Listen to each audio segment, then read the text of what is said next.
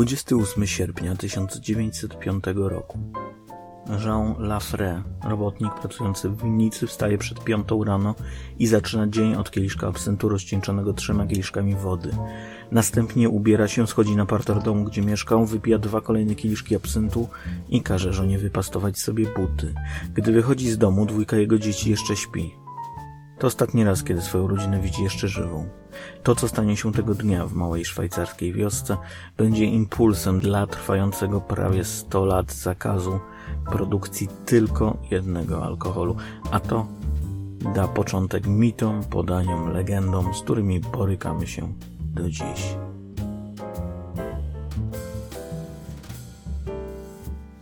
Cześć, ja nazywam się Przemysław Ziemichut, a to jest Strefa Wolnocłowa. Wesoły podcast o alkoholu i zbrodniach w afekcie. Tematem tego odcinka będzie absent. Bardzo długo broniłem się przed nagraniem, w którym takie słowa by się pojawiły, przed nagraniem, w którym opowiedziałbym o absyncie, bo wybaczcie mi prostacką metaforę, ale absent jest nieco jak seks grupowy. Każdy coś tam słyszał, każdy może coś nawet czytał, e, nieliczni w nim uczestniczyli, jeszcze mniejsza grupa e, to osoby, które mogą powiedzieć, że im się podobało, ale wszyscy możemy bez problemu godzinami rozprawiać o nim z wypiekami na twarzach. No i właśnie dziś ja będę godzinami rozprawiał o absyncie, bo przeważnie rozmowę o tym trunku można zacząć przecież od tego, że właśnie to absynt sprawił, że Van Gogh odciął sobie ucho i popełnił samobójstwo. Potem można powiedzieć, że będzie już tylko lepiej, bo po absyncie można zobaczyć smoki i dzikie węże ale to tylko po czeskim prawdziwym, bo ten ma THC czy tam coś, bo Unia zakazała THC czy tam coś. Dziś rozprawimy się z tymi wszystkimi mitami, sięgniemy do badań na temat szkodliwości absyntu, udamy się w podróż przez dzieje do Paryża pierwszej połowy wieku XX i końcówki wieku XIX, aby zrozumieć, dlaczego znaczna część Europy oraz świata zakazała produkcji zielonego likieru z piołunem i anyżem. Zanim przejdziemy do sedna, zachęcam Was jeszcze do tego, żebyście zasubskrybowali ten podcast na platformie, na której go właśnie słuchacie, albo na jakiejkolwiek innej i polubili też strefę wolnocłową na Facebooku, a nic, e, to znaczy na pewno nie kolejny nowy odcinek Was nie ominie. Okej, okay. zaczynajmy zatem po kolei. E, zacznijmy od tego, czym absent jest, bo to pomoże nam zrozumieć, czym on na pewno nie jest. Różni internetowi gawędziarze zaczynają opowieść o absyncie od czasów króla ćwieczka albo jeszcze wcześniej, by pokazać, że piołun, ziele będące podstawą absyntu, było używane do doprawiania alkoholu w czasach najdawniejszych. Rzeczywiście piołun pojawia się innymi w Apokalipsie Świętego Jana, gdzie to właśnie on jest sprawcą zatrucia rzek, które to rzeki na całym świecie zaczynają być mega gorzkie i nie nadają się już do picia i w wielu takich źródłach piołun e, jako coś, co łączy się z wodą, czy piołun jako coś, co łączy się z alkoholem, rzeczywiście występuje.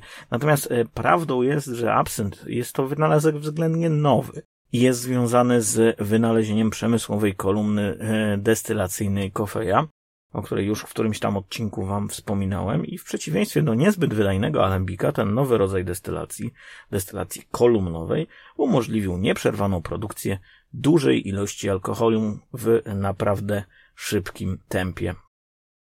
Nie bez przyczyny zresztą triumf tego tak zwanego neutral grain spirit, e, czyli tego neutralnego zbożowego alkoholu, pojawił się właśnie w tym czasie, w którym się pojawił, bowiem po pierwsze, epoka pary i elektryczności otworzyła drogę do masowej produkcji etanolu, a po drugie, co chyba też równie ważne, w drugiej połowie wieku XIX i na początku wieku XX jeszcze Europę pustoszyła filoksera, choroba winorośli, o której szczegółowo opowiadam w odcinku pierwszym Strefy Wolnocłowej. Ach, to były czasy, odcinek pierwszy Strefy Wolnocłowej, tak. No dobrze, rozmarzyłem się, e, więc wróćmy do tematu. Europa zaczyna więc e, w wieku XIX, w jego drugiej połowie szczególnie, masowo przechodzić z alkoholu produkowanego z winogron na ten produkowany ze zbóż. Absynt e, zaczyna wtedy dla wielu mieszkańców Starego Kontynentu stanowić doskonałą alternatywę, szczególnie w czasach, gdy brandy, koniaku, wina po prostu brakuje, no bo brakuje winogron. Zielony likier, o którym dziś mówimy, można zrobić zasadniczo z miliona różnych dodatków, niemniej kilka elementów musi pozostać niezmiennych. Jego skład, to znaczy piołun, anyż, często też arcydzięgiel, koper włoski, melisa, hyzop, i wiele innych ziół no, jest dość e, bogaty i złożony, ale bez dwóch zdań najważniejszym składnikiem całej tej mieszanki pozostaje właśnie wspomniany wcześniej piołun. Zioła, te wszystkie zioła, które chcemy użyć do produkcji absyntu, maceruje się w etanolu, następnie e, taki macerat się oddestylowuje do uzyskania trunku o mocy. No i tutaj właśnie różnie, e, w zależności od tego, na jakiego producenta natrafiliśmy. Ta moc mogła się wahać od gdzieś 50, 50 kilku do 70 kilku, 80 procent alkoholu. Zasadniczo jednak był to alkohol zdecydowanie wysokoprocentowy. Na koniec mm, taki bezbarwny trunek, który wychodził z aparatury destylacyjnej, barwiony był dla uzyskania tego charakterystycznego zielonkawego koloru, no i oczywiście butelkowany. Jeśli opis, który tu właśnie nakreśliłem, przypomina Wam dosyć typowy ziołowy likier o wysokiej mocy, no to nie jesteście w błędzie. Absynt e, tym właśnie był i do dziś zresztą pozostał mocnym, ziołowym likierem o charakterystycznym anyżowym e, aromacie i bardzo goryczkowym smaku. Oczywiście nikt nie pił absyntu w formie czystej. Po dodaniu wody, z uwagi na zawarte przede wszystkim w anyżu olejki eteryczne, absynt staje się mleczno-biały i w tej formie najczęściej jako rozcieńczony koktajl. Chyba nie spełnia to definicji koktajlu, ale w takiej rozcieńczonej formie jest spożywany. No dobra, to gdzie w takim razie jest ta zielona wróżka? Bo jak na razie mamy tu do czynienia z całkiem typowym, choć może trochę mocniejszym niż inne, e, likierem e, ziołowym. Wróćmy do Żana Lafre. Strefa Wolnocłowa. Podcast o alkoholach. Tamtego sierpniowego wieczora Żan wraca do domu pijany. Kłóci się z żoną o buty, których ta nie chciała mu wypastować. Kłótnia szybko nabiera na sile. Mężczyzna w końcu w przypływie gniewu chwyta za strzelbę i strzela w małżonkę. Zabijają na miejscu. Hałas alarmuje dzieci. Pierwsza na parterze domu pojawia się czteroletnia córka Żana. Mężczyzna zabija również i ją. Następnie oddaje strzał do drugiej z córek, a na koniec przystawia sobie strzelbę do głowy, próbując popełnić samobójstwo. Pudłuje. Kula nie zdołała go zabić. Lekarzom udaje się uratować jego życie, dzięki czemu może stanąć przed sądem. Obecny podczas procesu psychiatra dr Albert Mahaj zeznał, że Lafre to typowy przykład absyntowego szaleństwa. Sądu e, nie przekonało to, że oprócz absyntu mężczyzna tamtego feralnego dnia wypił także wino, brandy, likier i to w całkiem e, słusznej ilości. Jednak to właśnie absynt stał się tutaj głównym winowajcą. E, Lafre został skazany na 30 lat pozbawienia wolności i o ironię czynnikiem łagodzącym okazał się fakt, że w chwili popełnienia swojego czynu był pod wpływem alkoholu. Jakżeż to czasy się zmieniły. Ej, to całkiem nawet dobrze. Trzy dni po odczytaniu wyroku Jean Lasre powiesił się w swojej celi. Jednak e, wprawione przez niego w ruch koło historii dopiero się rozpędza. W maju 1906 roku pod wpływem opisanych wydarzeń kanton, w którym doszło do wspomnianego morderstwa, przegłosowuje absentową prohibicję. Niedługo po tych wydarzeniach do podobnego absentowego morderstwa dochodzi też w Genewie. Wkrótce legislacyjna pętla zaczyna więc e, zaciskać się na gardę producentów zielonego trunku. Absynt delegalizowano stopniowo, aż do października 1910 roku, gdy sprzedaż trunku została całkowicie zakazana. Wcześniej na podobny krok przed Szwajcarią zdecydowała się jeszcze Belgia i Holandia, między innymi Belgia i Holandia. E, pomimo wielu przykładów prohibicji, które obejmowałyby zakaz e, produkcji, dystrybucji czy sprzedaży alkoholu, nie było w nowożytnej historii chyba wielu przypadków, być może nie było nawet żadnego, ja przynajmniej o żadnym nie wiem, który obejmowałby e, prohibicję tylko jednego wybranego trunku. Niemniej, absynt miał wyjątkowego pecha, na które złożyło się kilka wydarzeń. Po pierwsze, napływ dużych mas ludności do ośrodków przemysłowych i tenże napływ sprawił, że w jednej chwili mnóstwo wyrwanych ze swojego środowiska domowego, ze swoich domów, ze swoich rodzin, robotników, e, pracowników fabryk e, zaczęło mieszkać e, w miejscach, gdzie jedyną rozrywką po ciężkiej pracy był ciężki relaks, któremu zresztą towarzyszyły jak łatwo się domyśleć, hektolitry alkoholu. Na domiar złego filoksera, o której już wspomniałem, zabiła większość winorośli w Europie, więc otworzyła drzwi dla alternatywnych zbożowych alkoholi.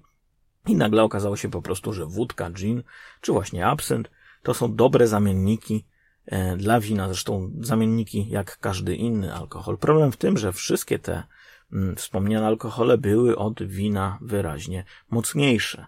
Wreszcie po trzecie, przełom wieków przyniósł dalszy wzrost popularności absyntu we Francji, która piła w tym czasie rocznie między 22 a 36 milionów mm, litrów e, zielonego trunku, to zresztą mm, zdaniem krytyków właśnie ten zielony trunek miał przyczynić się do militarnego upadku państwa nad Sekwaną. Francja zaczyna mieć naprawdę poważny problem z pijaństwem, nie tylko zresztą w armii, ale w całym społeczeństwie. No i coś należy z tym zrobić. Po czwarte bowiem na świecie rodzi się właśnie masowy ruch abstynencki. Nie tylko zresztą we Francji, ale przede wszystkim w USA, o czym zresztą już wielokrotnie wam na tym kanale opowiadałem. Polityka alkoholowa nabiera po prostu rozpędu. Wreszcie po piąte absyntyzm, czyli wspomniane już szaleństwo absyntowe. Wróćmy do tego terminu, aby zrozumieć o co tak naprawdę toczył się cały ten spór o absynt. Absyntyzm to paramedyczne określenie zbioru objawów występujących u osób spożywających mm, wspomniany zielony trunek. Wśród tych objawów występują drgawki, ataki padaczki, halucynacje, utrata zmysłów, słowem wszystko to, co można kojarzyć także z nadmierną konsumpcją etanolu, a co zdaniem pierwszych lekarzy psychiatrów wynikało jedynie z faktu spożywania przez ludzi absyntu. Co ważne, halucynacje, drgawki, padaczka mogły dotykać nie tylko osób uzależnionych od absyntu, ale także mm, przypadkowych konsumentów, którzy po absynt sięgnęli pierwszy, drugi, trzeci raz. To argument podobny troszeczkę temu, że wystarczy raz zapalić skręta z marihuaną, by po tygodniu zostać heroinistą.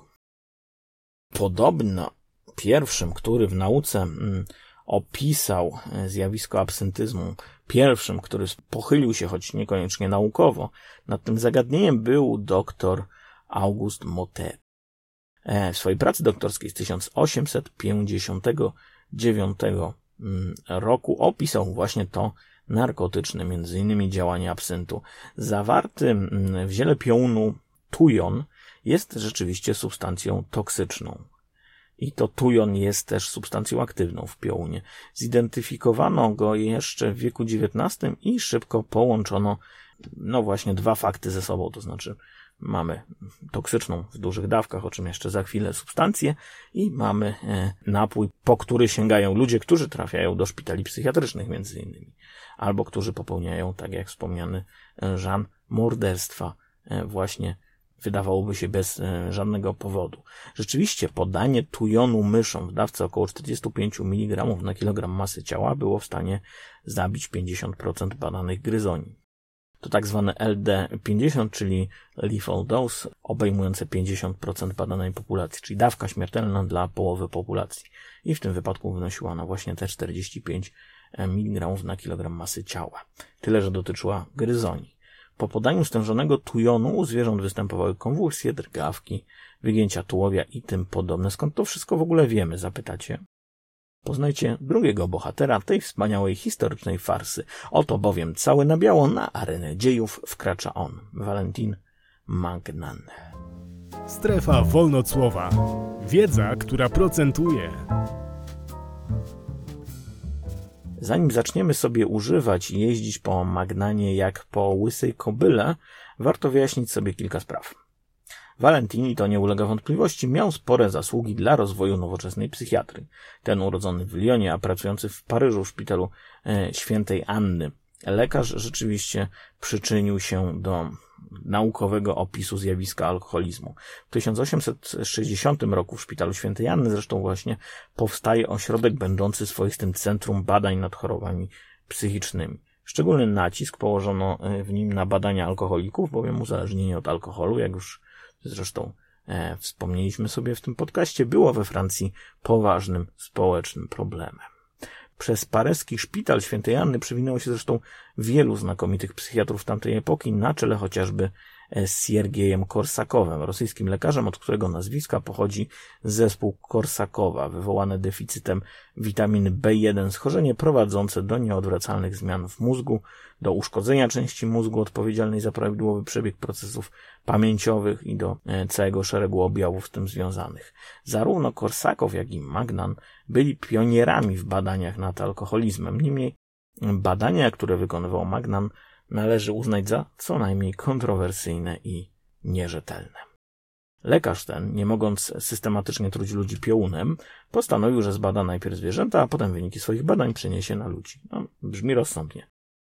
Do czasu, aż nie pochylimy się nad szczegółami tych badań. Rzecz jasna, Magnan nie podawał mm, zwierzętom e, absyntu, no bo też pewnie pić by go nie chciały, a ekstrakt e, co już samo w sobie jest troszeczkę problematyczne, ale o tym za chwilę.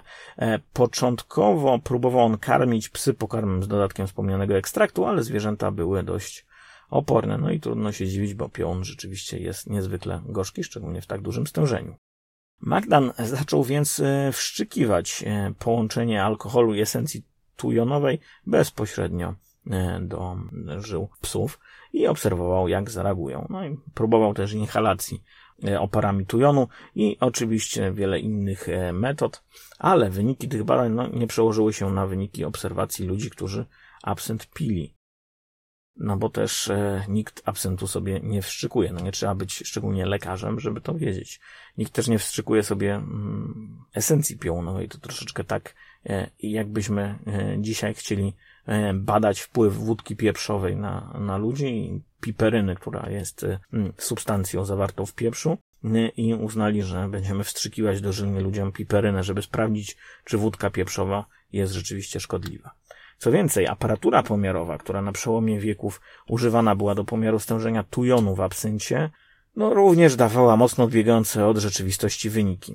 Innymi słowy, absynt zawierał e, zbyt mało tujonu, by w ogóle kogokolwiek zabić, czy wywołać u niego konwulsję, a co dopiero inne objawy, nie wspominając już o halucynacjach. Część badaczy uważa, że kardynalnym błędem Magnana było fundamentalne niezrozumienie różnicy między, mm, między olejkiem z absyntu, czy olejkiem z piołunu, mówiąc dokładnie, mm, a samym absyntem. W języku polskim, podobnie jak chociażby w angielskim, mamy osobne słowo na zioło piołunu i osobne słowo określające likier na jego bazie. We francuskim języku takiego odróżnienia nie da się poczynić i prawdopodobnie Mangan postawił znak równości między piołunem a jego formą rozcieńczoną w likierze. Więc no, chciał dobrze, a wyszło jak zawsze. Niemniej kolejne kraje e, po opublikowaniu tych, tych sensacyjnych doniesień e, Magnana, a dodajmy, że e, był on lekarzem niezwykle poważanym w środowisku, zaczęły zakazywać sprzedaży i produkcji absyntu. Zakaz ten w wielu krajach utrzymywał się przez około 100 lat, aż w końcu między tak latami 90. a, a E, połową 2000 zaczęto stopniowo zmieniać polityki poszczególnych krajów, by dopuścić ponownie do sprzedaży absyntu. Unia Europejska też trochę jakby mm, kierując się tymi badaniami e, Magnana i, i innych jemu podobnych, wprowadziła przepis mówiący o tym, że absynt może zawierać maksymalnie 35 mg tujonu w litrze. Czy to jest dużo? No, właśnie tak zwany przedprohibicyjny absynt, e, wedle już może mocno nieaktualnych e, estymacji miał mieć jakieś 260 e, mg tujonu na litr w gotowym produkcie.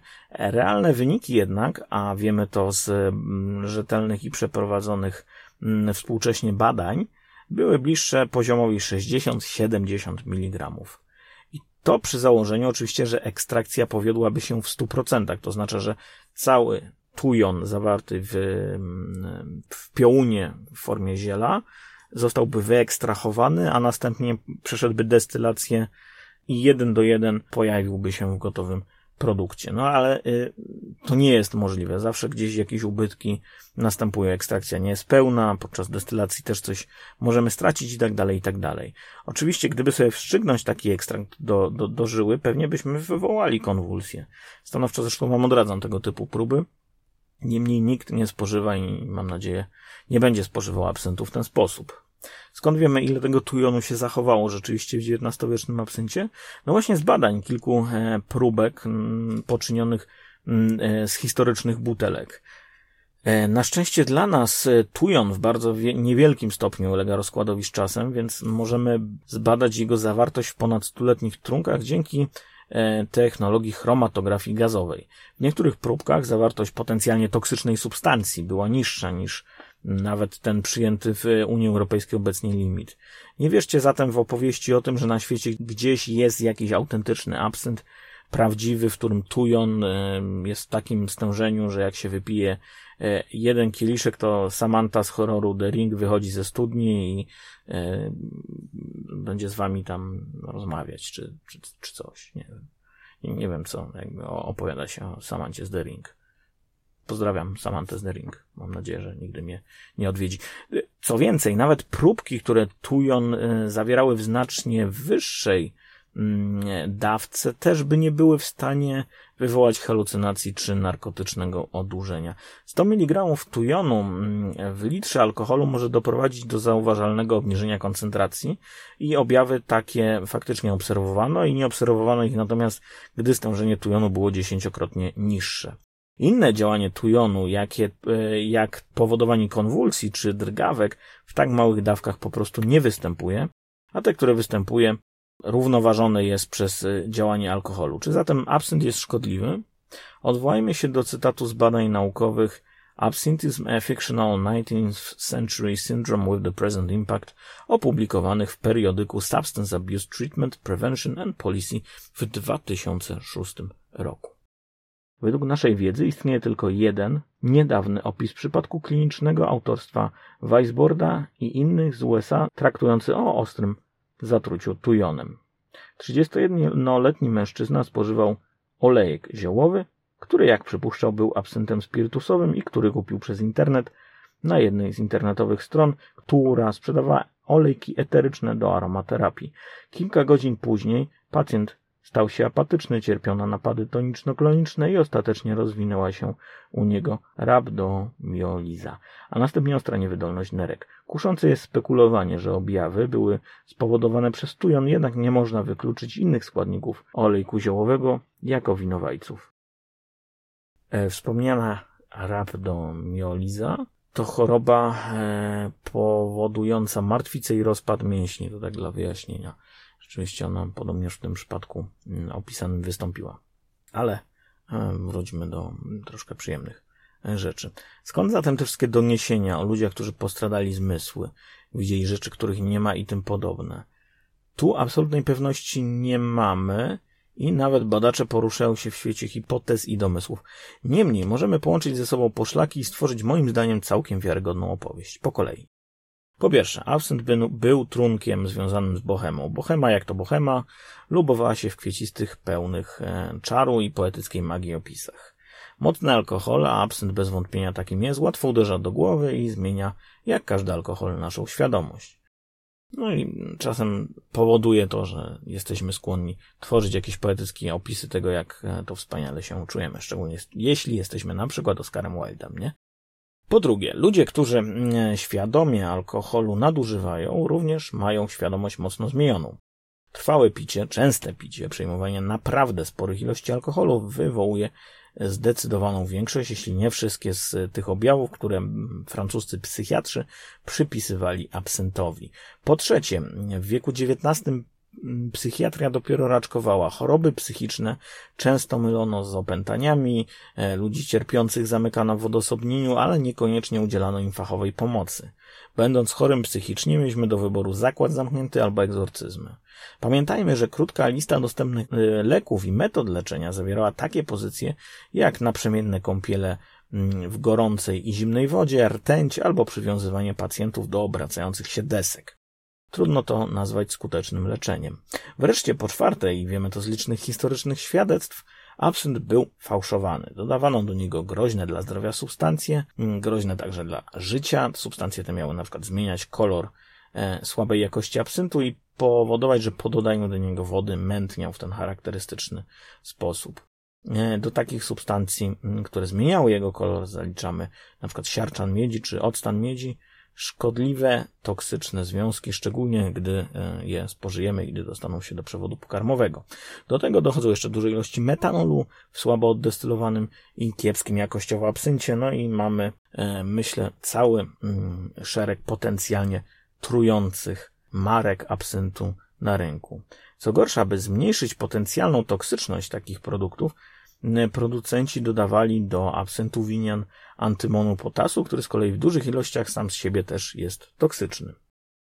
Ok, zatem podsumujmy to, co udało nam się ustalić. Po pierwsze, nie ma i nigdy nie było żadnej zielonej wróżki. Jeśli ktoś e, kiedykolwiek miał jakiekolwiek halucynacje spowodowane spożyciem absyntu, a dowody na to są dość nikłe, to raczej przyczyn należy upatrywać w jego ogólnym stanie psychicznym i innych schorzeniach, ale nie w absyncie czy w tujonie, substancji aktywnej w ziele piołunu wykorzystywanej do produkcji absyntu. Absynt współcześnie zawiera bardzo zbliżone do absyntu XIX-wiecznego ilości tujonu i substancja ta jakkolwiek szkodliwa nie ma potencjału do tego, by wywoływać narkotyczne efekty. Zresztą postaram się, jeżeli mm, będzie to mm, część z Was na przykład ciekawić, e, umieszczam e, w opisie tego podcastu linki do e, wszystkich badań, z których korzystałem i źródeł, z których korzystałem, jest ich trochę.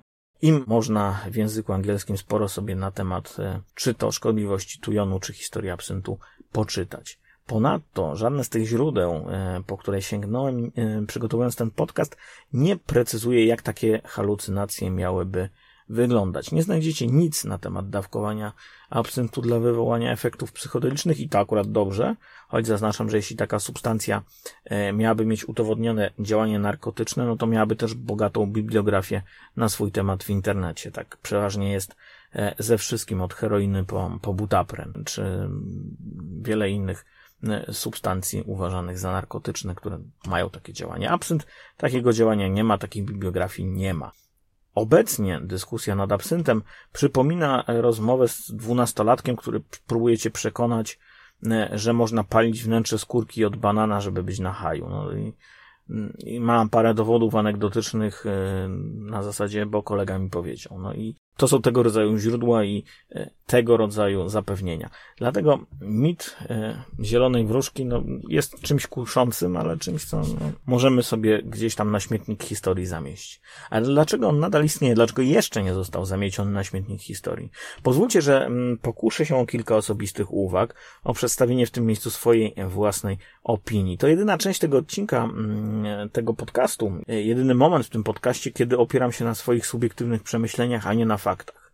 Do tej pory, jak już zaznaczyłem, e, podaję Wam informacje na podstawie researchu, a zatem ustalaliśmy fakty. E, zaznaczam to, bo e, zresztą zaznaczam to za każdym razem, kiedy taka sytuacja w strefie wolnocłowej ma miejsce, bo ludzie mm, mają taką denerwującą przypadłość do zacierania granicy pomiędzy faktem a opinią. Zatem uwaga, teraz będzie opinia. Otóż dzieje się tak, ten mit jest ciągle żywy, dlatego, że jest marketingowo wygodny.